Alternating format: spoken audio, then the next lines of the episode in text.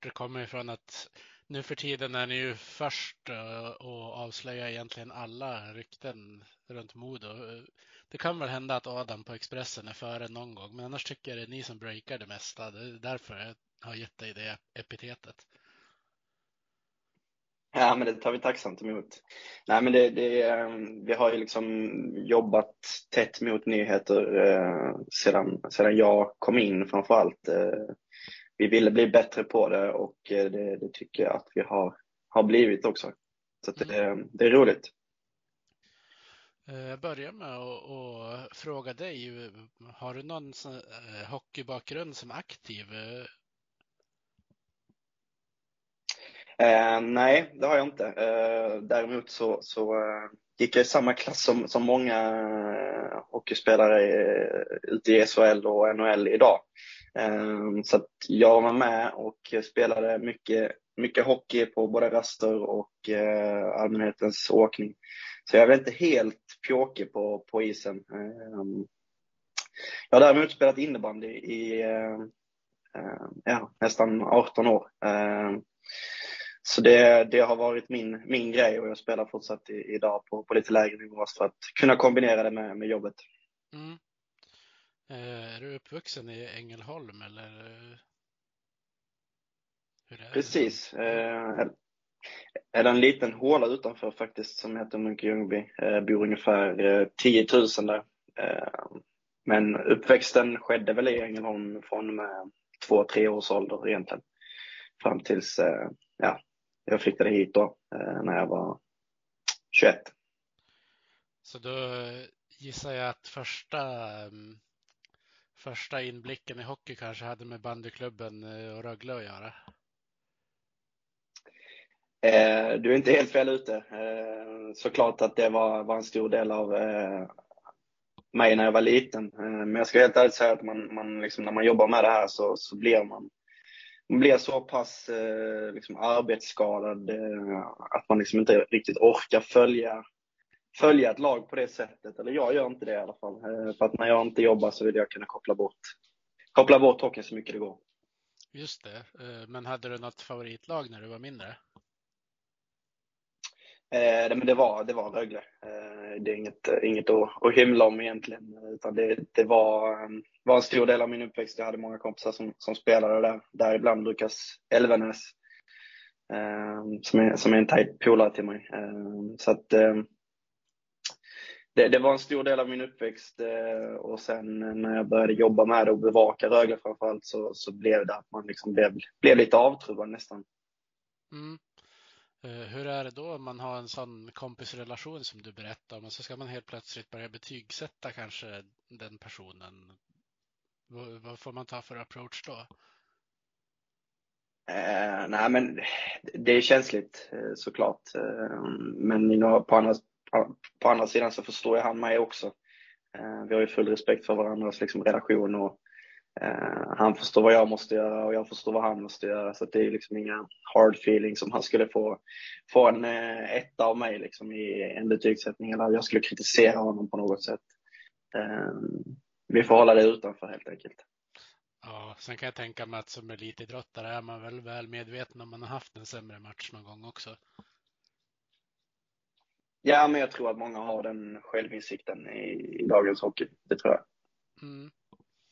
Uh, hur eh, kom du på att du ville bli just uh, sportjournalist då?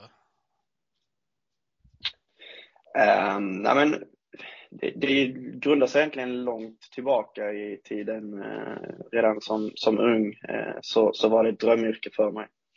Uh, och när jag då la av med innebandyn, eller inte la av med innebandyn, men, men valde att ta ett steg tillbaka från elitsatsningen så, så blev det ganska självklart att det var sport jag, jag ville jobba med och då eh, fanns väl lite olika alternativ. Jag funderade dels på den här sports management-utbildningen eh, där du kan bli liksom allt inom sport egentligen. Eh, men föll ändå eh, för, för journalistiken och eh, sedan började jag arbeta så smått för Helsingborgs Dagblad som som eh, 16-åring. Eh, och gjorde lite, eh, jag körde lite live-rapportering, gjorde lite extra lokalfotboll exempelvis. Så det föll ganska tidigt mig i smaken och sen dess har jag egentligen ja, varit fast.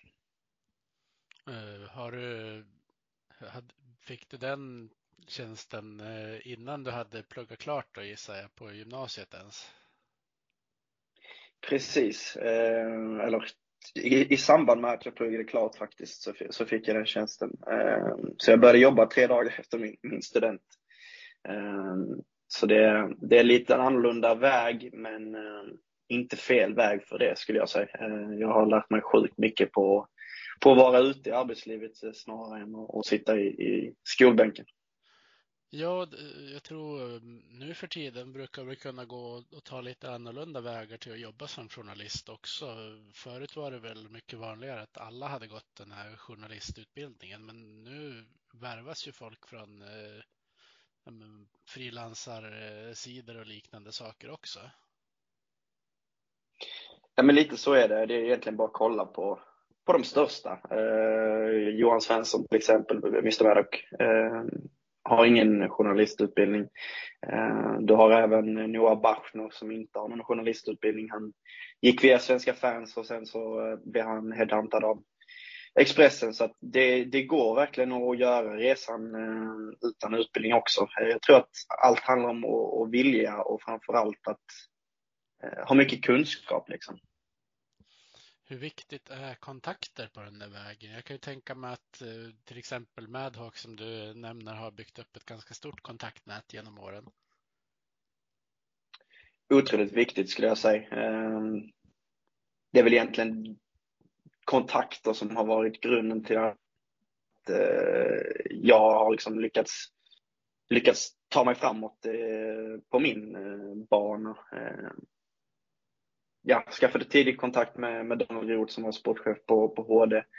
Eh, och sen så ja, höll vi en kontakt och sen när jag blev liksom tillräckligt gammal för att faktiskt kunna jobba med det så, så hörde han av sig och ville testa mig. Liksom. Och på den vägen så har det lett till att eh, han har gett mig goda referenser och han känner många i branschen. Eh, så att det var faktiskt så jag, jag hamnade här uppe i Övik också.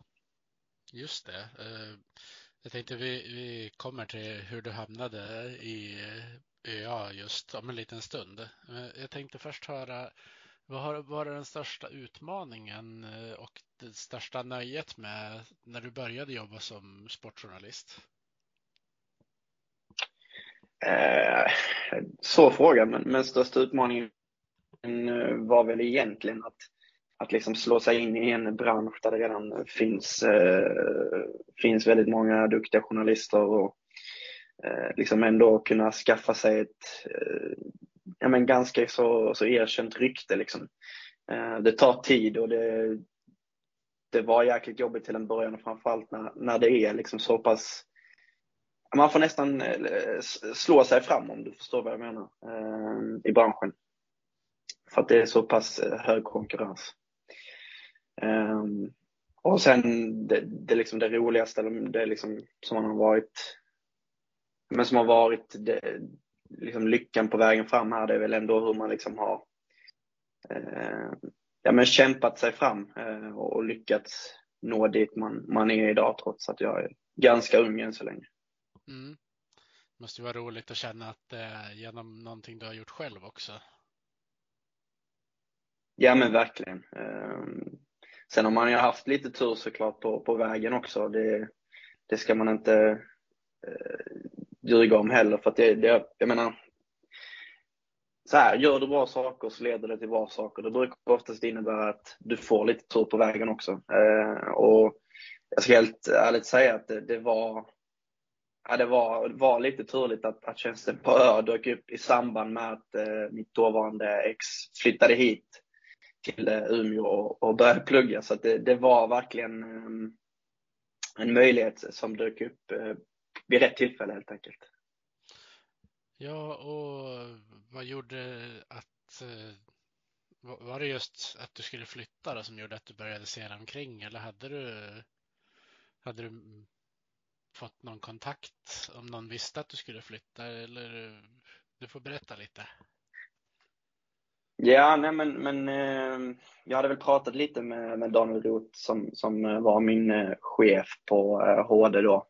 Eh, och han visste ju att eh, jag och min eh, dåvarande flickvän skulle, skulle röra oss uppåt. Eh, och då var jag ju på Hockey News. så att jag, jag var ju liksom inte på HD då, utan då, då var jag på Hockey News och så ehm, hörde han av sig faktiskt och sa att eh, du, eh, där har dykt upp en eh, tjänst uppe i Örnsköldsvik eh, för dig. Ehm, jag tycker att du ska söka den. Och då gjorde jag det eh, och sen blev jag ganska snabbt faktiskt kontaktad. Jag vet inte, för att jag tror att Daniel hade ett finger med i spelet där, att han hade snackat med, med min chefredaktör Sandra Bygdén, Chamir, Eh, Eh, så jag tror att han hade ett finger med i spelet där eh, för att hon eh, kontaktade mig ganska så, så snabbt efter att jag hade sökt jobbet och ja, sedan gick det väldigt, väldigt fort. Mm. Och då fick du jobba med Pelle Hägglund som har varit i den branschen och bevakat Modo ganska länge. Hur var det med er så olika bakgrund och börja jobba tillsammans? Men jag tror att det är just därför, just den här olika bakgrunden som gör att vi, vi, ehm, vi funkar så bra ihop. Eh, jag har väl lite mer liksom eh, silly season, nyhetsjakt, eh, medan Pelle kanske är lite bättre på att berätta och skriva krönikor och det här. så jag tror att vi kombinerar, vår kombination är väldigt bra. Ehm, och det är just därför det har liksom funkat så pass bra mellan oss sedan dag ett egentligen. Eh, vi har verkligen, verkligen eh, funkat väldigt bra ihop, det, det måste jag verkligen säga. Mm. Eh, sen kan jag tänka mig att när Pelles gamla radarpartner Jon Häggkvist klev in i Modo som press och kommunikationsansvarig så kanske det var också en, en sak som underlättade lite för er.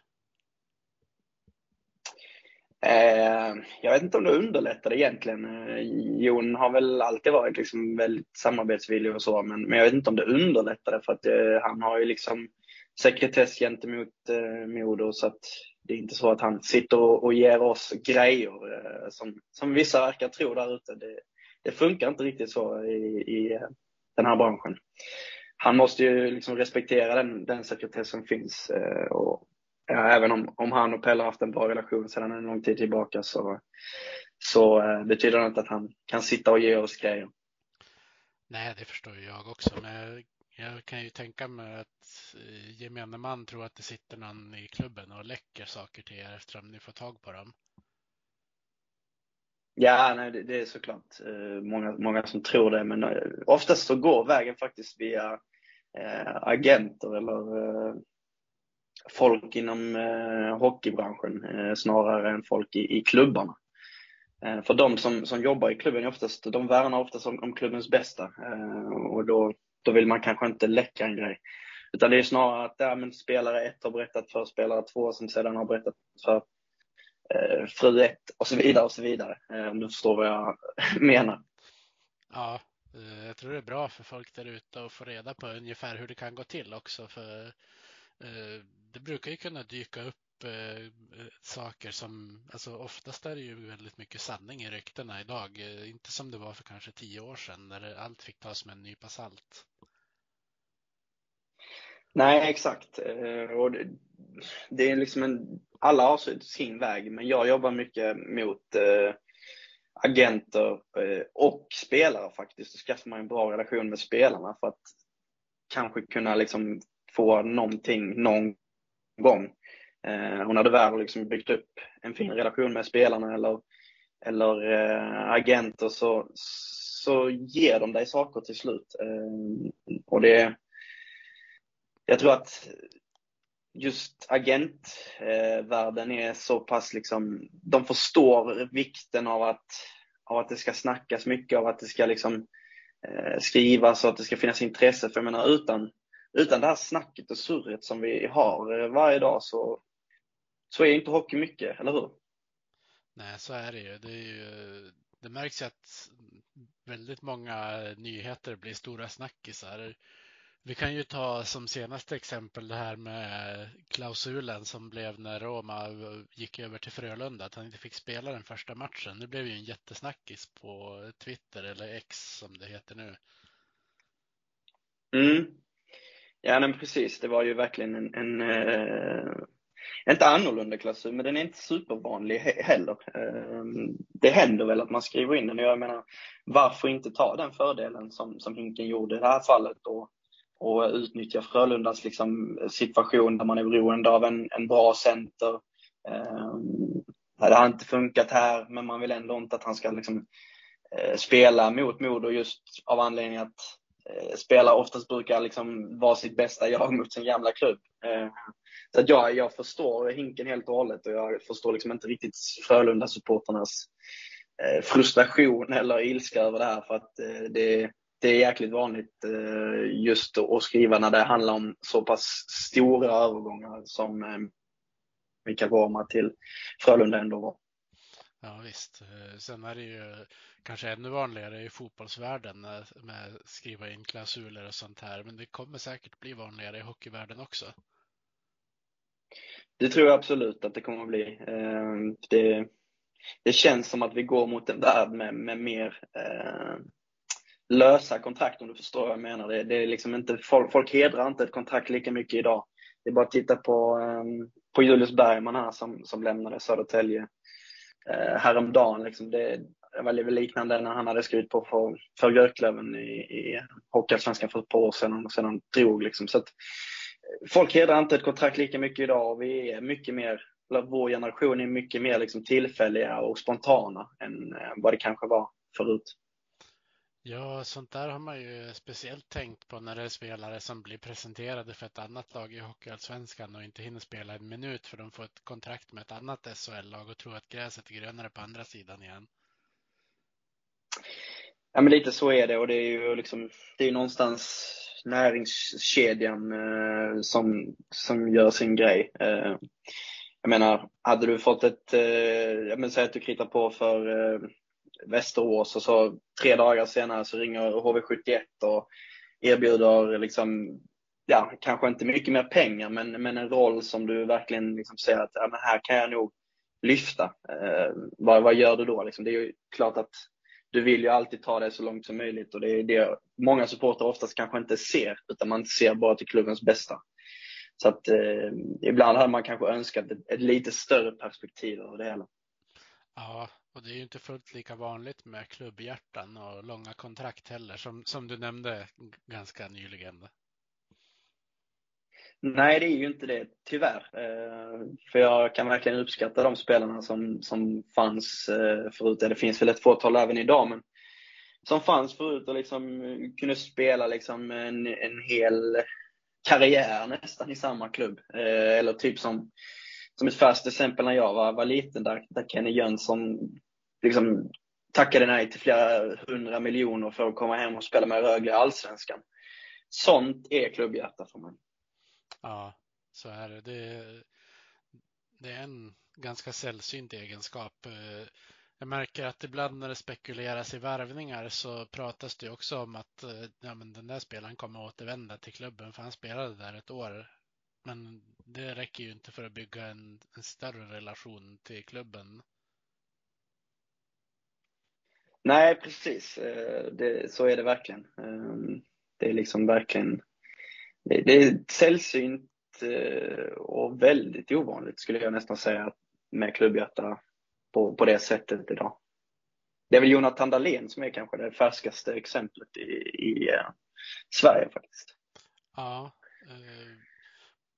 man, man vill ju tänka och tro att Mikkel Ågård har ett visst klubbhjärta för Modo också, men eh, det är ju svårt att veta vad som händer om han ställs i vi säger att Modo åker ut i år. Eh, om, eh, om han får något erbjudande från någon annanstans. Då vet man ju inte riktigt vart, vart det kommer peka. Att han har ett stort klubbhjärta för Modo, det, det lovar jag dig. Eh, jag ser, ser liksom glädjen och lyckan i Mickels ögon varje dag när, han, när man träffar på honom. Det, det, det verkligen lyser liksom. Eh, och sen trivs han ju så pass liksom bra med sin, med sin tjej. De har köpt hus. Eh, och jag, jag tror faktiskt att mycket skulle kunna stanna om, om Modo skulle åka ur SHL. Eh, eller alternativt att han kör ett, två år kanske i, i något annat SHL-lag och sen kommer tillbaka efter det. Men jag, jag har ändå den tron för jag, jag tycker att eh, Mikkel har, han har visat det. Ja, jo det är ju den känslan man får eh, både när man själv pratar med honom och när man hör honom prata med andra. Ja, verkligen. Eh, han älskar att, vara i Övik och framförallt Modo. Eh, jag tror att klubben liksom har betytt så pass mycket för honom också. Den, det var den som det var Modo som tog hit honom till, till Sverige igen. Och här fick han liksom verkligen växa, även fast det var kanske lite tufft till en början med, med skadan där. Och så gav man honom chansen och så blev han liksom stor målskytt i Hockeyallsvenskan till att idag liksom faktiskt ha etablerat sig som en, en riktig sniper även i, i SHL. Så att, eh, jag tror att eh, Mikkel definitivt kommer att spela i, i Modo eh, fler säsonger. Det är jag helt övertygad om. Men det gör väl en liten övergång till eh, Modos säsong. Eh, nu har vi ju kommit en, en bra bit in på säsongen. Eh, vad skulle du ge Modo för betyg? Eh, ska vi säga tre ugglor så, eh, så ger vi verkligen för högt eller för lågt. Jag tycker ändå att med tanke på de förutsättningar som fanns inför säsongen, att Modo var sent ut på marknaden, eh, att eh, man har mindre pengar än alla andra att röra sig med så, så går det inte annat att säga att man, eh, man är bra. Och jag, jag fick faktiskt ett eh, papper eh, skickat till mig här igår eh, där Modo faktiskt är bästa nykomling sedan elitserien blev SHL eh, efter 38 omgångar innan matchen igår då alltså. Och det, det var med ganska liksom stor överlägsenhet. Eh, för ser vi till de senaste säsongerna så, så har vi HV på 35 poäng i fjol, slutade på 68 poäng. Vi har Timrå på 37 poäng, slutade på 56 poäng. Vi har Oskarshamn på 33 poäng, slutade på 44 poäng. Vi har Leksand 31 poäng, slutade på 49 poäng. Och jag kan fortsätta, men, men tanken är liksom att man, man är faktiskt mycket bättre än vad många tror och att man är den bästa nykomlingen sedan säsongen 15-16 är för mig eh, rätt så talande om, om Modos säsong så här långt. Mm. Sen har det inte varit liksom helt, det har inte varit helt eh, spikrakt uppåt. Eh, även om det inleddes starkt som det alltid brukar göra för nykomlingar. Så, så nu på slutet har det varit lite jobbigt. Men å andra sidan så alla lag har sina dippar. Det är bara att kolla på, på Färjestad nyligen som, som hade ett par raka torsk. Eh, du har Rögle som har haft det tungt i stort sett hela säsongen. Du har Linköping som gått mycket bättre än, vad många trott. Eh, där tror jag att vi kommer att se ett litet ras här sista tiden. Ja, man kan ju jämföra med Modo i fjol var de ju då kom ju formtappet i ungefär samma tid också, men då hade man kanske lite mer råd med det än man har i år. Ja, exakt. Modo måste göra Eh, 110-procentiga insatser som igår mot Skellefteå för att kunna ta poäng i den här ligan. Det går liksom inte att åka runt, åka runt på 70 procent som man ibland gjorde i Hockeyallsvenskan och ändå lyckades, lyckades vinna med 4-3 mot Tingsryd eller Västervik. Eh, jag tycker att Nässén sa det, sa det ganska bra i en intervju jag gjorde med honom för, för en tid sedan. Att, eh, I SHL går det inte att ta, ta ledigt som jag gjorde i Hockeyallsvenskan. Jag tror också det är den, det mindsetet som gjort att han han verkligen har lyft den här säsongen också. Ja, han har varit en väldigt stor positiv överraskning för jag personligen trodde att hans spelstil skulle göra att han var en av de som skulle få det svårast. Men han har ju verkligen svarat tillbaka på den här eh, eh, petningen han fick när han spelade SHL i Oskarshamn sist. Eh, verkligen. Jag trodde också att han skulle få problem framförallt allt med sitt beslutsfattande. För att i Hockeyallsvenskan så var det liksom stundtals väldigt slarvigt och väldigt sloppy. Eh, kunde liksom skicka iväg passningar som, ja, som, som jag hade kunnat slå bättre då på sig. Men, men eh, det var liksom, det var verkligen, det är verkligen stor skillnad på honom och framförallt så tror jag att det beror på, på just hans mindset att, att verkligen vara påslagen hela, hela tiden. Ja. Eh, sen får man ju inte glömma heller att Modo har ju ändå gått så pass bra som man har gjort eh, utan att de här riktiga, eh, vad ska man säga, spets tänkta spetsvärvningarna i alla fall. Det har inte varit någon stor hitrate på dem. Nej, det har ju inte det. Eh, vi satt och kollade på det häromdagen och det är väl egentligen bara Samporanta, Lasse Lehtinen och till viss del Christians Robins Ehm, som har fallit väl ut. Ja, till viss del Valle Valter om man ser till, till eh, första delen av säsongen. Men, men eh, nej, eh, och det, det, tror jag grundar sig framförallt att Modo var sist ut på marknaden och fick plocka liksom ja, men allt, var redan, allt det bra var redan plockat så att säga. Så att man fick, fick selektera lite och, och ehm, då blir det kanske lätt att man stressar eh, in i värvningar eh, som med, med Daniel Reagan. Man, man var stressad av att man skulle få in den här sista pusselbiten. Eh, hittade honom. Och ja, det har väl inte fallit jätteväl ut och jag tror att det beror till stor del på att ja, det fanns en anledning till att han inte hade jobb i augusti, som jag nämnt i, i någon annan intervju tidigare. Ja, och sen hade han väl aldrig spelat på stor rink tidigare heller, även om folk pratar att han hade ett av de bästa poängsnitten i AHL innan han kom till Sverige, av de värvningar som har kommit därifrån. Nej, precis. men men framförallt så i hans fall så tror jag att det rör sig liksom om att han är för att han är en väldigt smart spelare, det, det, det står jag fast vid fortfarande. Men, men han, det går för sakta. Eh, I AHL så, så kan du ofta liksom eh, leva, leva på smartnessen. Eh, och liksom, ja, eh, du kan leva på smartness på ett annat sätt än, här. Eh, för här går det så pass snabbt, du måste åka så pass mycket skridskor för att hänga med dina lagkamrater. I och med att lag, alla lag egentligen jobbar med så pass hög forecheck som, som man gör. Så att i hans fall så tror jag att skulle han ha lite bättre skridskoåkning så skulle han lätt kunna ute och nosa på 0,6-0,8 poäng per match i den här ligan. Det, det tvivlar jag inte på.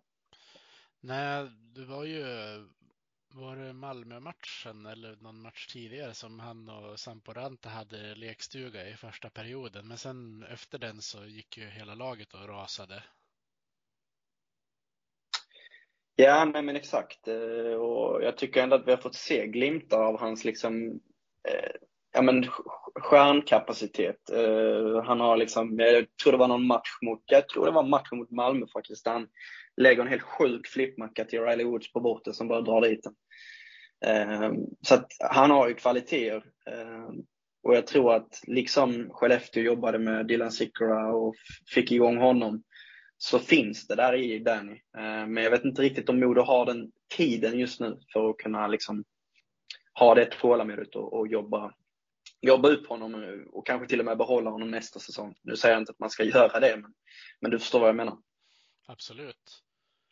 Eh, sen är det ju det är mycket prat om att det ska värvas hit och dit, men eh, för det första som du och Pella har varit in på flera gånger i eran podd eh, Nedsläpp Modo så är det ju väldigt, eh, väldigt tunt på marknaden och sen det är väl inte så mycket som säger att det är just Modo som kan locka till sig spelare. Det, då krävs det väl, kan jag tänka mig, ett ganska bra ekonomiskt bud för att de ska ja, men gå till ett lag som eh, ligger i den regionen av tabellen man faktiskt gör också. Exakt så. Eh, och jag tror att jag tror faktiskt att Modo gör bäst i att inte värva, såvida marknaden fortsätter att vara så här kall som den är just nu. Jag tror visserligen att det kommer att röra på, röra på sig lite här framöver. Det är de indikationerna jag har, har fått från flera personer jag har pratat med. Eh, men ska du liksom in i ett budkrig på en spelare från Finland som eh, liksom ändå inte som ändå inte är någon garanti för att lyckas här så, så kommer du få lasta upp Alltså du kommer få lasta upp 2-2,5 miljoner om du ska lyckas landa den värvningen. För jag tror att så pass många klubbar som söker spelare, det är bara att titta på, på intervjun som Expressen gjorde idag med 14 sportchefer i SHL som fick svara på, på om de skulle värva eller inte. Det är i stort sett alla klubbar söker. Eh, och då, då snackar vi bara Sverige. Ska vi sedan titta på finska topplagen, schweiziska topplagen, Eh, för att inte snacka om liksom Tyskland som många går till nu. Alltså det kommer att bli en huggsexa som heter duga och jag tror att priserna kommer bara skena iväg. Så jag tror faktiskt att Örebro var, var ganska smarta där. Nu vet jag inte hur, hur Danik Martell har sett ut så här långt, men att de plockade honom ganska så, så tidigt. Eller Frölunda som, som plockade Mikael Horma. Ja, ja, för det är ju, ju längre man kommer mot deadlinen så kommer väl desperationen bli desto större också. Ja, och framförallt eh, när resultaten inte går emot, eller går emot så, så är det ju, det skriks det ju från, från både supportrar och sponsorer och allt vad det är. Så att då blir ju många desperata och vi har ju fått se ett par, par sådana värvningar eh, senaste åren. Eh, där, där liksom, hade man plockat hit spelare som egentligen varit totalt odugliga för den här nivån. Men ändå som man betalat liksom nästan miljon för. Så att, det är bara att titta på Marenis som, som Örebro plockade i fjol där man betalade liksom 800 000 för en spelare som knappt färgade i Hockeyallsvenskan. Och sedan gjorde han ju inget större väsen av sig i Örebro heller. Så att klubbarna blir desperata och jag, jag, kan till viss del förstå det med tanke på hur mycket det skriks i, i supporterled och från sponsorer. Ja visst, eh, Modo har ju ett färskt exempel i en sån värvning under säsong som inte har funkat så bra i Logan Hatska också. Men honom har ni ju pratat om så mycket så jag tror att folk redan har hört det. Så den kan vi låta ligga som den är. Eh, ja, nej, men vi, vi kan gärna prata om Logan Hutsko. Eh, ja, jag var väldigt tveksam till den värvningen redan när Oskarshamn värvade honom. Jag hade, hade fått dåliga, dåliga referenser på honom. Eh, så jag, jag, blev faktiskt lite förvånad när, när Modo valde att hugga på honom. Men jag kan samtidigt förstå det, för går du in på ehm, Elite Prospects och, och eh, tar Compare Players och så skriver du in Lauri Pajuniemi och så skriver du in Logan Hatsko. Kolla på hur deras statistik har, har sett ut eh, sista åren. Det, den är snarlik och så blir Pajuniemi helt lyckad i SHL. Medan Logan Hatsko inte alls lyckas. Nej, Uh, vad tror du, om du gör den jämförelsen, vad tror du det kan bero på? Uh, ja men, jättesvår fråga faktiskt. Uh, det är väl till viss del att, att liksom Pioneer har varit i Europa tidigare, att han har varit i Finland. Ehm, men annars har de ju ganska så lika liksom, karriärsbanor. Båda har varit på, på college, båda har varit i AHL. Ehm, och så vidare. Så att just varför inte Logan lyckas eller varför Pioneer lyckas, svårt att säga, men eh, i grund och botten så tror jag att det handlar om att Pioneer är lite mer eh, allround i sitt spel än vad Logan Hutsko är. För jag tycker att Logan är väldigt så väldigt endimensionell och, och så. Eh, jag tror säkert att han hade kunnat göra en hel del poäng i Hockeyallsvenskan. Men, men jag tycker att han, han är bra på liksom mycket, men han är inte tillräckligt bra på, på vissa egenskaper för att faktiskt färga här i SHL. Nej, så är det ju säkert. Och sen nu, eh, om han skulle in och spela nu så skulle han ju ha noll glädje och självförtroende, känns det som resten av säsongen. Ja, nej, verkligen. Eh, jag tror att han... Nu var han ju extra spelare igår, men jag tror att han har gjort sin sista match i Modo faktiskt. Eh, med tanke på att Hinken nu säger att man söker en, ja, såväl ytter som center så, så um, nej, jag tror att det, det är kört där. Ja. Det vore kanske skönt för honom att få ett miljöombyte igen, även om det blir tre klubbar på en säsong. Men ibland är det väl bara så att det, det funkar inte för, för bägge parterna. Nej, exakt så är det. Eh, sen är det ju aldrig det är ju verk, verkligen en varningsklocka för en, för en sportchef när, när spelare byter klubb så pass ofta.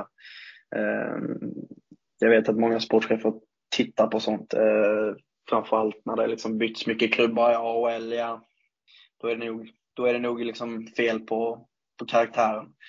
Eh, så att, eh, ja, jag vet inte om det är både karaktär och kanske att han inte passar väl in i, i svensk hockey som ligger till grund för det om vi pratar om AHL eh, och kanske spelare som får, eh, ja, men, får lämna sina klubbar där. Hur stor chans tror du att vi får se någon därifrån i SHL överhuvudtaget? Eh, nu menar du? Ja, resten av säsongen tänker jag då på. Mm, eh, jag tror, tror det blir eh, väldigt svårt att lösa någon därifrån nu. Eh, nu har man liksom ändå varit kvar så pass lång tid att det skulle nästan skett en eller två månader tidigare i så fall. Nu, nu har man liksom varit kvar och, och tänk, tänker säkert att man kan, ja men jag kör den här säsongen och så kan jag komma hem sen. Eh, det är oftast väldigt klurigt att lösa eh, de där avtalen mitt under säsong också. Så att, eh, däremot så tror jag att vi kan få se en hel del eh, svenskar få vända hem inför nästa säsong om jag ska vara helt ärlig. Ja, det är väl alltid större chans eh, att, att det händer sådana saker under sommaren än det är mitt under säsong. Ja, verkligen. Eh, det är ju som jag var inne på precis, att, att man vill inte liksom heller byta klubb eh, titt som tätt för att det, det, det påverkar liksom nästan ditt rykte. Lite så. För jag menar, skulle du, skulle du eller jag hålla på att byta jobb tre gånger var, varje säsong så undrar ju nästa arbetsgivare, vad, vad är det här för något? Ja, exakt. Eh, på, på tal om det så du, du har ju ett, ett, eh, ett, en eh, flytt på gång snart på arbetsgivare. Det, det är väl ditt nygamla jobb då, får man väl kalla det. Precis, eh, men under ny regi och ledning. Eh, de, de satsar verkligen hårt nu och jag tror eh, väldigt hårt på, på deras produkt. Gjorde jag redan då, men, men framförallt med den här nya ledningen som, som verkligen går för det och vill satsa stenhårt så känns det som ett perfekt steg för mig härnäst. Jag ser verkligen fram emot att få komma dit när, när säsongen är över här. För här ska vi gasa ihjäl oss först. Mm.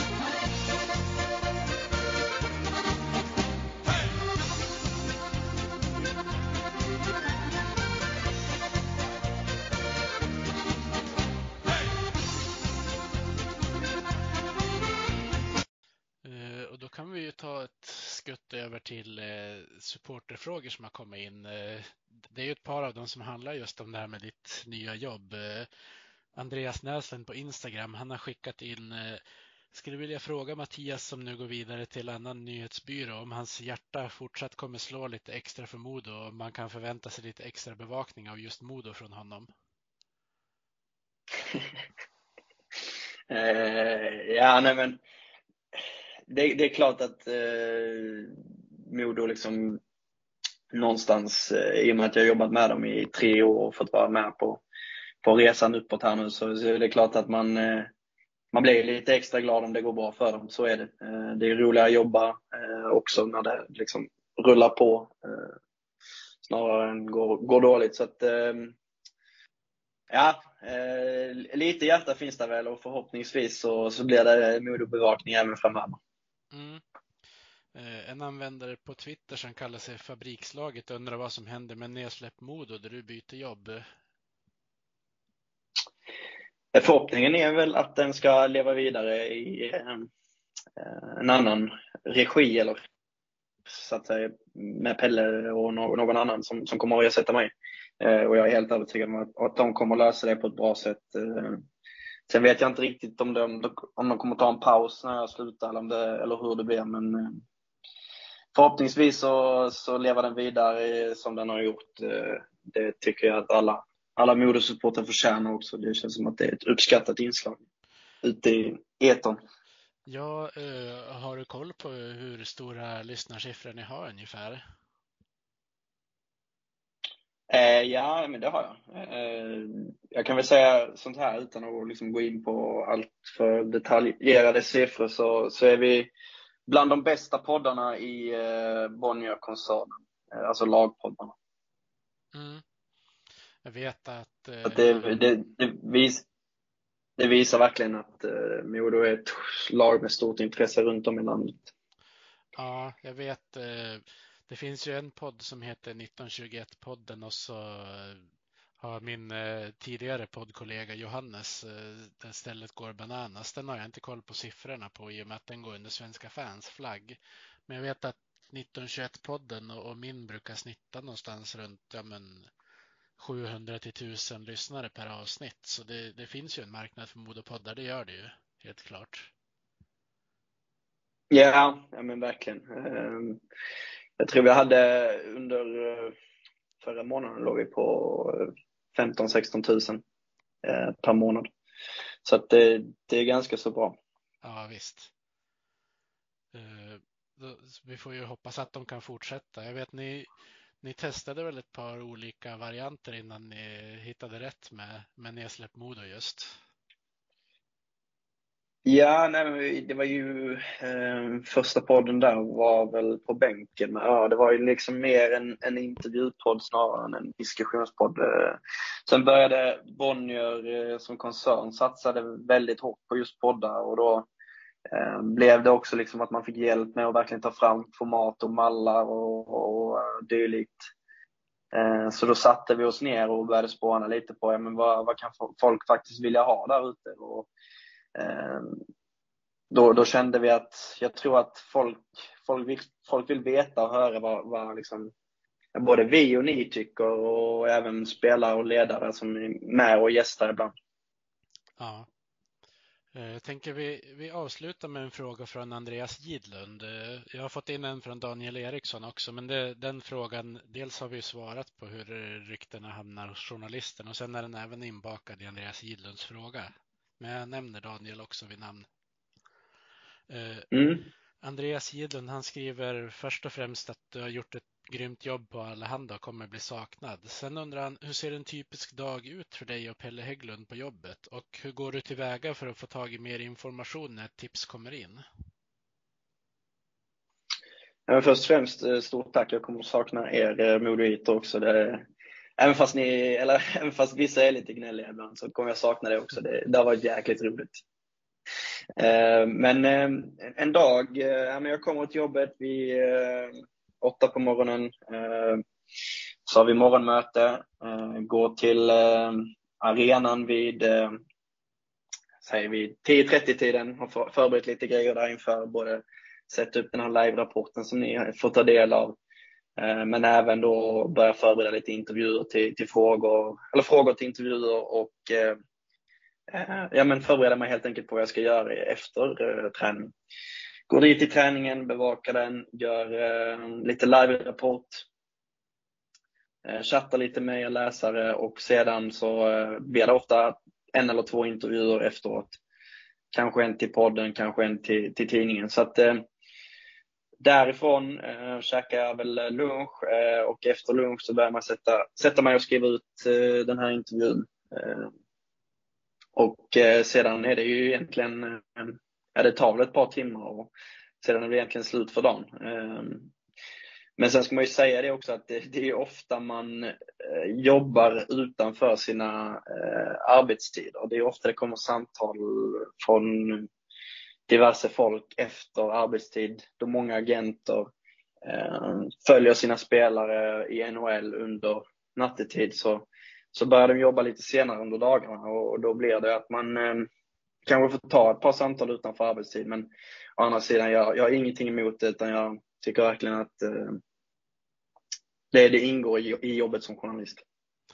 Ja, men det var ju som du sa tidigare att om man, om man har det där drivet, då kan jag tänka mig att då är det inget som är, ställer till något problem för en. Nej, du, jag ska säga det, det kommer kom ett samtal både liksom när man varit iväg på andra grejer, när man varit iväg på, på fester och så vidare, då får man bara släppa allt man har och så får man eh, sätta sig och börja jobba. Så att, eh, men å andra sidan, det, på något sätt så tycker jag det är liksom charmen med det hela också. Eh, det är ju liksom, det är ju det som är det roliga. Sillen är ju verkligen någonting jag, jag brinner för. Eh, och sen tror jag den andra frågan var hur, hur man går vidare med information va? Ja, precis. När det, hur man får tag i mer information när det kommer in ett tips. Ja, men äh, säg att det kommer in ett tips här om att äh, Mikael Roman ska lämna Modo. Och då tänker jag, okej, okay, har jag fått tips från den här personen för? Har den haft rätt till att börja med? Ehm, därifrån så börjar jag ju gräva, vem kan veta om det här? Finns det någon som, som kan liksom bekräfta det här för mig? För att jag skriver aldrig en, en grej eh, såvida inte två personer, oftast oberoende vill jag att de ska vara, eh, ska, ska veta det här för att kunna gå ut med det helt och hållet. Jag måste liksom, jag kan ju inte skriva en grej och sen eh, är det bara liksom 50% säkert att det stämmer för då sätter jag mig själv i, i skiten. Så jag har verkligen lovat mig själv och, och aldrig, Eh, aldrig ha fel på liksom en övergång. Jag har väl haft liksom fel på, på lite smågrejer och så, men, men eh, aldrig ha fel på en övergång i alla fall. Eh, så att det, vi får in jättemycket tips och det, det är alltid svårt att liksom selektera vad som stämmer och inte stämmer. Men, men just att gå vidare med det och, och liksom börja liksom forska i vem kan veta det här eh, är väl egentligen så man går tillväga. Just. Eh, jag tror han, han blir nöjd med det där svaret. Nej, det var, var lite långrandigt, men jag, jag, tror att det kan vara bra för folk att få lite insyn i hur det faktiskt går till. Absolut. Och jag får säga att jag själv är jättenöjd med, med ditt gästande av det här avsnittet Mattias. Det har varit jättetrevligt att ha dig med. Men nu får vi, jag skulle ju få stjäla dig i ungefär 45 minuter så vi har ju nått den tiden nu så jag får säga ett stort tack för att du ställde upp och var med. Ja men tack själv Peter, det, det är alltid en eh, ynnest att få vara med i, i modosammanhang och framförallt med dig. Jag tycker att du, har, du gör ett jäkla bra jobb. Man får tacka så mycket. Och så säger vi tack till alla lyssnare. Jag tror att de kommer tycka det här är intressant för kanske har kommit fram lite saker som, som inte kommer fram i, i vardagssamtalen om man säger så. Så jag tror att lyssnarna kommer bli nöjd med det här avsnittet också. Ja, men det hoppas vi. Så säger jag stort tack. Och så får jag säga lycka till med fortsättningen av säsongen och sen på ditt nya jobb efter det. Stort tack. Vi hejar på Modo, rödvit och grön. Klubben i hjärtat, en känsla så skön. Övik, ja, Övik, ja, där trivs vi bäst. Med matcher i lyan, ja, då är det fest. För vi älskar